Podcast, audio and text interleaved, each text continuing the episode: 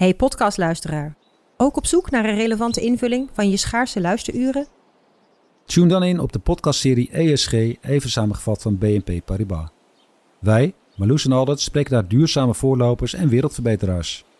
Waarover dan? Nou, bijvoorbeeld of we ooit duurzaam kunnen gaan vliegen. En waarom koeien in de stad nou een goed idee is? Dat en meer elke twee weken in een nieuwe aflevering. Dus abonneer je.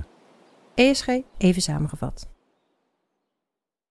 Ik ben al jaren ondernemer, maar waar moet ik eigenlijk allemaal aan denken nu ik voor het eerst personeel wil aannemen, voor het eerst ga importeren of voor het eerst een bedrijfslocatie zoek? Weet wat je wel of niet moet doen bij zaken die je voor het eerst oppakt. Check kvk.nl voor praktische stappenplannen. KVK, hou vast voor ondernemers.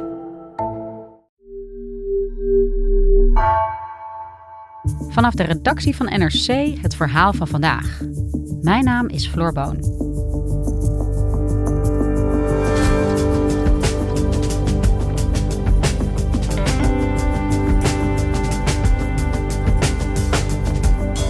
Tijdens het Chinese partijcongres dat komende zondag begint, zal Xi Jinping opnieuw worden gekozen voor een termijn van vijf jaar.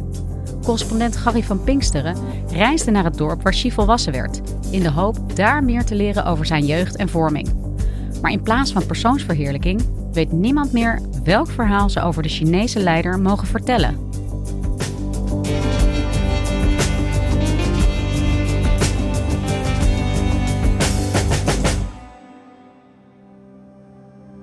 Gary, jij bent een tijdje geleden afgereisd naar het platteland van China. Waar ben je precies geweest? Ik ben met een paar andere journalisten samen naar een dorp geweest waar de huidige president Xi Jinping van China van zijn 15e tot zijn 22e heeft gewoond. Dat heet Liangjiage. Hij was eigenlijk als jongere naar het platteland gestuurd. En hij kwam daar eigenlijk als een luie jongen die geen zin had om op het platteland hard te werken. Maar hij ging daar weg als een hele jonge en hele succesvolle partijsecretaris. When President Xi came here, he was a skinny teenager. But Xi grew and developed here and won the respect of the people. Today, thousands come to see the humble and harsh lifestyle that helped shape China's president. Nu was er een hele mooie aanleiding om naar die plek te gaan waar ik eigenlijk al langer naartoe wilde. Want nu is de aanleiding dat er een groot partijcongres voor de deur staat. Het 20ste partijcongres. En daar gaat iets heel uitzonderlijks gebeuren. Of in ieder geval iets wat in China al een hele tijd niet meer is gebeurd. Namelijk Xi Jinping gaat daarbij zeer waarschijnlijk voor nog eens vijf jaar herkozen worden. En hij is al tien jaar aan de macht. En dat is ongewoon, want eigenlijk is het een beetje zo dat het gebruik is geworden dat je maar tien jaar aanblijft als hoogste leider. En dan komt er iemand nieuw. Maar hij breekt met die traditie en hij gaat langer aanblijven.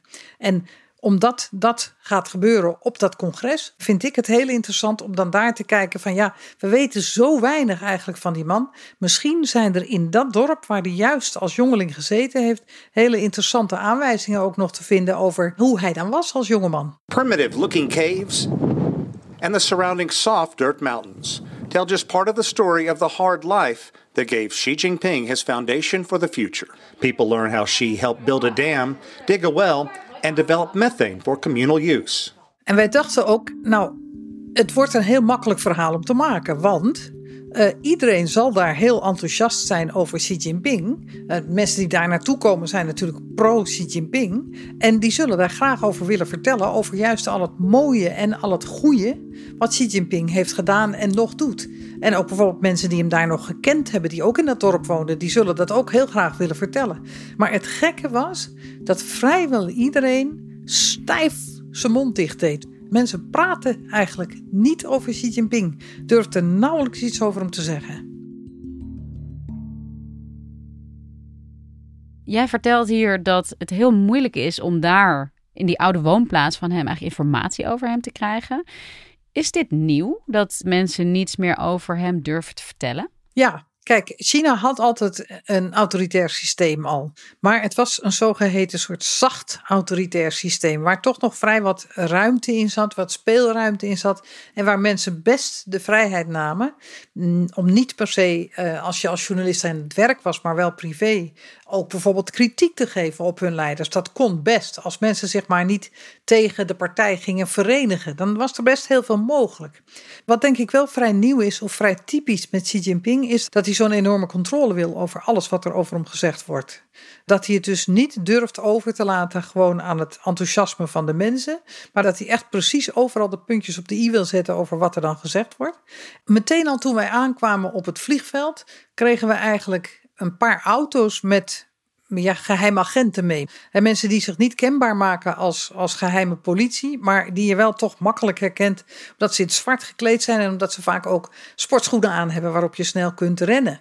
En die volgden ons voortdurend op een afstandje. Soms was er één auto achter ons aan, soms twee of soms drie. We kwamen er ook achter dat we inderdaad echt gevolgd werden, omdat we dan bijvoorbeeld eh, plotseling linksaf sloegen. En dan zag je die auto's voor ons voorbij gaan, maar even later omkeren om ons alsnog dan op te pikken. Dus het was heel duidelijk dat zij echt met ons meereden. En eenmaal in, in Liangjiage waren ze ook voortdurend niet ver. Ja, ze kwamen niet tussen ons en de mensen tegen wie we spraken, maar ze waren op een afstandje bij ons in de buurt. En mensen die door hadden dat ze daar waren, die herkenden ze ook meteen als, als geheime politie. En die mensen hielden ook al meteen stijf hun mond, omdat ze ja, bang waren iets verkeerds te doen. Dus die controle was er voortdurend. En het meest schrijnende, of het meest ja, voor ons ook wel vreemde wat we zagen, is dat we aan het begin van dat dorp is een, is een winkeltje waar een man van rond de 70 appels verkoopt en sigaretten en noedelsoep en nou, van alles wat je maar zou kunnen willen als je, als je daar eh, in dat dorp op bezoek komt. Aan de muur hangt een grote zwart-wit foto, dus ook een bekende foto, waarop je op de tweede rij zie je hem links, zie je de man van die winkel staan.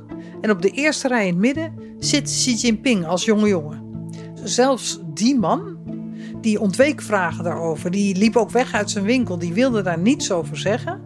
En het was zelfs zo dat hij op een gegeven moment samen met zijn vrouw... de foto die aan de muur hing, dat hij die omdraaide. Dus dat hij die met de, met de fotokant tegen de muur aanhing. En dat er een andere foto die bij de kassa lag, dat ze die ook omdraaiden. En dat ze dus echt daar helemaal niets over zeiden. Dat, dat vond ik wel heel gek. Ja, en dit gaat dus over iemand die daar werkt. Maar wat voor mensen lopen daar nog meer rond? En hoe gaan die dan om met dit soort controle? We zagen heel weinig toeristen, maar we zagen heel veel jongere partijkaders die met allemaal dezelfde klapstoeltjes en allemaal dezelfde flesjes water en allemaal oortjes in heel keurig op rijtjes gingen zitten bij verschillende plekken van het dorp. Dus ook bij bijvoorbeeld de grot waar Xi Jinping dan gewoond zou hebben. En uh, zij luisterden dan via dat oortje naar een gids die ze allerlei verhalen over Xi Jinping vertelde. Ik had het idee dat dit oord dus eigenlijk vooral gebruikt wordt om de orthodoxie over Xi, dus de vaste verhalen die er over Xi verteld moeten worden, de manier waarop hij in het openbaar gepresenteerd moet worden, dat dat wordt overgedragen binnen de partij. En ervan te doordringen van welke verhalen dat dan zijn. Ja, het klinkt ook eigenlijk alsof als je zoveel verwarring zaait over wat je over iemand mag vertellen of niet, dat mensen dus alleen maar hun mond gaan houden. En dat ja, die verwarring creëert ook al een soort van angst.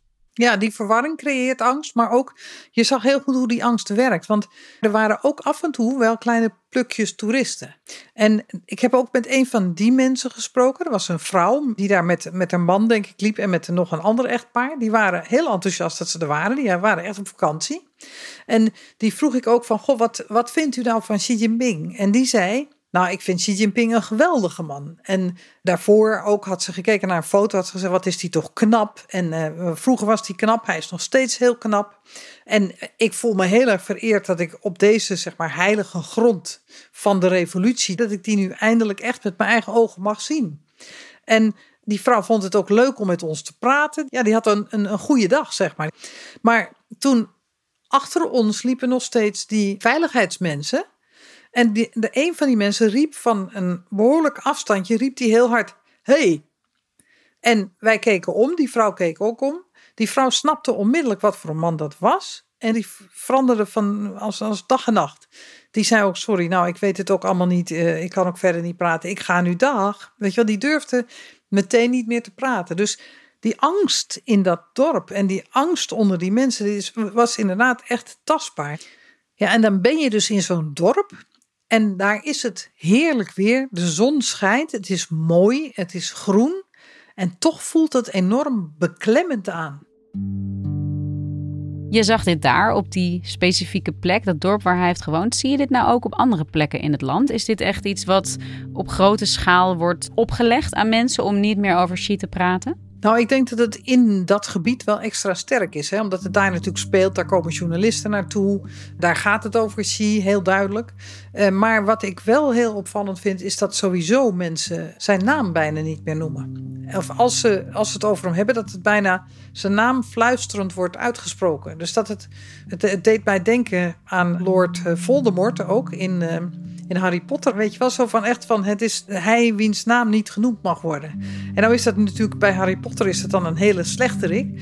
En hier is het een, uh, denk ik ook in de ogen van veel mensen in China wel degelijk een hele goede rik. Maar weet je wel, je mag de naam van God ook niet noemen in bepaalde geloven. Hè? En daar, daar begint het een beetje tegenaan te liggen. Dat je ja, dat zijn naam zo gewijd is op een of andere manier dat je die niet zomaar in je mond mag nemen. En, en je merkt dus wel dat mensen dat vaak ook niet meer doen. Dat ze wel naar hem verwijzen, maar niet over hem spreken. En waarom maakt Xi het zo moeilijk voor mensen om over hem te spreken? Wat zit daarachter? Ik heb gesproken met een Duitse hoogleraar, Daniel Lezen, die gepromoveerd is op onderzoek naar de persoonsverheerlijking rondom Mao en hoe een persoonlijkheidscultus werkt in China. Hij legde uit, hij zegt Mao Zedong heeft al in de jaren 50 gezegd dat er eigenlijk twee verschillende soorten van persoonlijkheidscultussen zijn. En één is goed en de andere is slecht. En de goede is als het gaat eigenlijk over een persoon die bijna als een soort paus de orthodoxe lijn en de waarheid van de partij en van het marxisme vertegenwoordigt. Dat is goed. Maar wat niet goed is, is als het een pure verering van een persoon wordt. Dat is niet goed. Dus ja, ik denk dat ze dat ook heel nauwkeurig hebben geprobeerd om van Xi Jinping een symbool te maken. En daarmee wordt hij wel meteen onaantastbaar. Want Xi Jinping wil alles tot in details controleren. En als hij iets controleert, dan wil hij het daarna nog verder controleren. Of dan zijn er nog weer nieuwe stappen. Hè, die, dat breidt zich alleen maar uit. En in dit partijcongres, wat dit weekend begint, uiteindelijk wordt hij daar herverkozen voor nog een termijn van vijf jaar. Wat betekent dit nou? Dat zo'n man, die ja, met zo'n cultus en zo'n verheerlijking, maar tegelijkertijd waar niemand meer iets over mag vertellen, toch weer aan de macht blijft. Wat betekent dat voor China? Nou, ik denk dat het uh, eigenlijk uh, wel niet zulk goed nieuws is voor China hoor. Kijk, de voorspellingen zijn een beetje dat als hij wordt herkozen, dat hij dan zijn beleid wel voort zal zetten. Hij heeft een binnenste kring van mensen om zich heen verzameld die trouw zijn aan hem en die, hem niet tegenspreken. Uh, en dat betekent dat China door zal gaan op de weg waar ze, waar ze nu op zitten. En het is de vraag of dat zo'n goede weg is voor China. Of China daar zo gelukkig mee moet zijn. Want er zijn grote problemen. Er zijn grote economische problemen. Mede doordat COVID nog steeds zo ontzettend streng wordt aangepakt. En laatst laatst we ook alweer, weet je, twee dagen geleden stond in het Volksdagblad hier alweer dat dat gewoon ook doorgaat met die strenge aanpak van COVID. Maar de economie draait dus een beetje de vernieling in. Maar niemand spreekt dat tegen en niemand treedt daartegen op. Ja, want je schetst ook uh, toenemende repressie in zekere zin. Mensen die niet meer over hem mogen praten. Uh, iemand die alleen nog maar ja-knikkers om zich heen verzamelt. Hè? Een autoritaire leider die ook heel geïsoleerd raakt in die zin. Wat betekent dit ook voor hoe China zich internationaal zal gaan ontwikkelen? Ja, nou, het zal waarschijnlijk betekenen dat China ook internationaal nog niet zo snel weer zal herintegreren, zeg maar, met de, met de internationale gemeenschap. Hè? Veel mensen hebben ook geen paspoort meer. Want als je paspoort verloopt, dan kon je dat eigenlijk niet verlengen omdat er COVID was, zeg maar. Dus mensen zitten veel meer opgesloten in China zelf. En ook de internationale handelsstromen worden gehinderd. Dus China raakt ook internationaal meer in een isolement. Met eigenlijk als grote partner nog wel Rusland.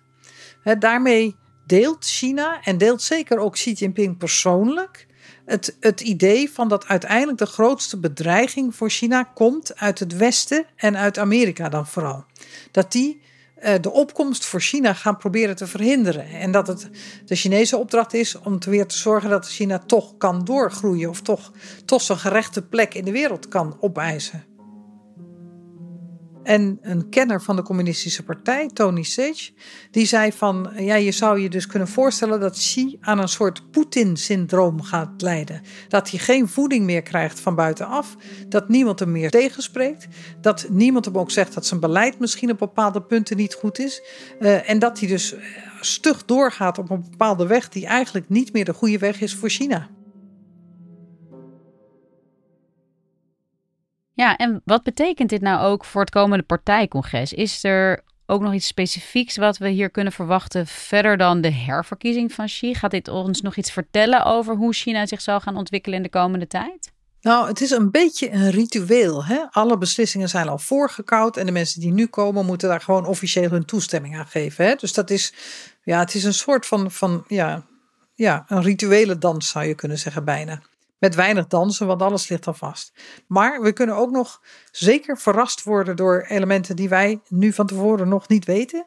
Want dat hele beslissingsproces en dat hele volkscongres is, is, ja, het is eigenlijk een soort grote zwarte doos. Waar we allemaal geïnteresseerd naar kijken, maar waar we eigenlijk allemaal heel moeilijk echt in kunnen kijken. Dat is wat dat betreft een beetje precies hetzelfde als dat dorp van Xi Jinping, dat Lianjiahe. Je kunt er rondlopen, je kunt er kijken, maar echt daardoor meer begrip krijgen voor Xi Jinping zelf is toch heel moeilijk. Ja, en als we daar nog heel even blijven in dat dorp en wat je daar zag en de controle die je daar ervaarde en de angst van iedereen. Hoe is dat voor jou om je werk nog te doen als correspondent, als journalist in dat land? Hoe doe je dat als niemand nog eigenlijk iets tegen je durft te zeggen?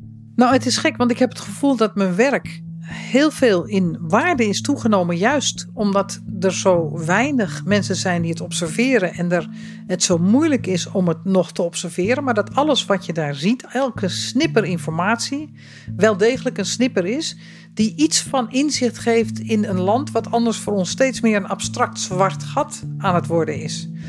Maar ja, het is daarbij wel, moet ik eerlijk zeggen, inderdaad vaak heel moeilijk werken. Kan ook heel frustrerend zijn dat, je, dat mensen niet met je spreken, dat je ergens niet naartoe kan. Dat er zoveel barrières eigenlijk worden opgeworpen om normaal je werk te doen. Dat, dat kan ook frustrerend zijn.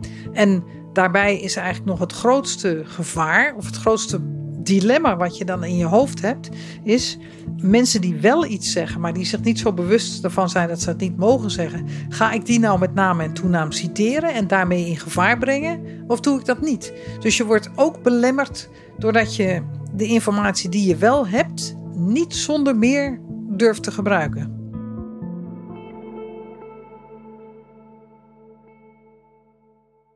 Dankjewel, Gary. Graag gedaan.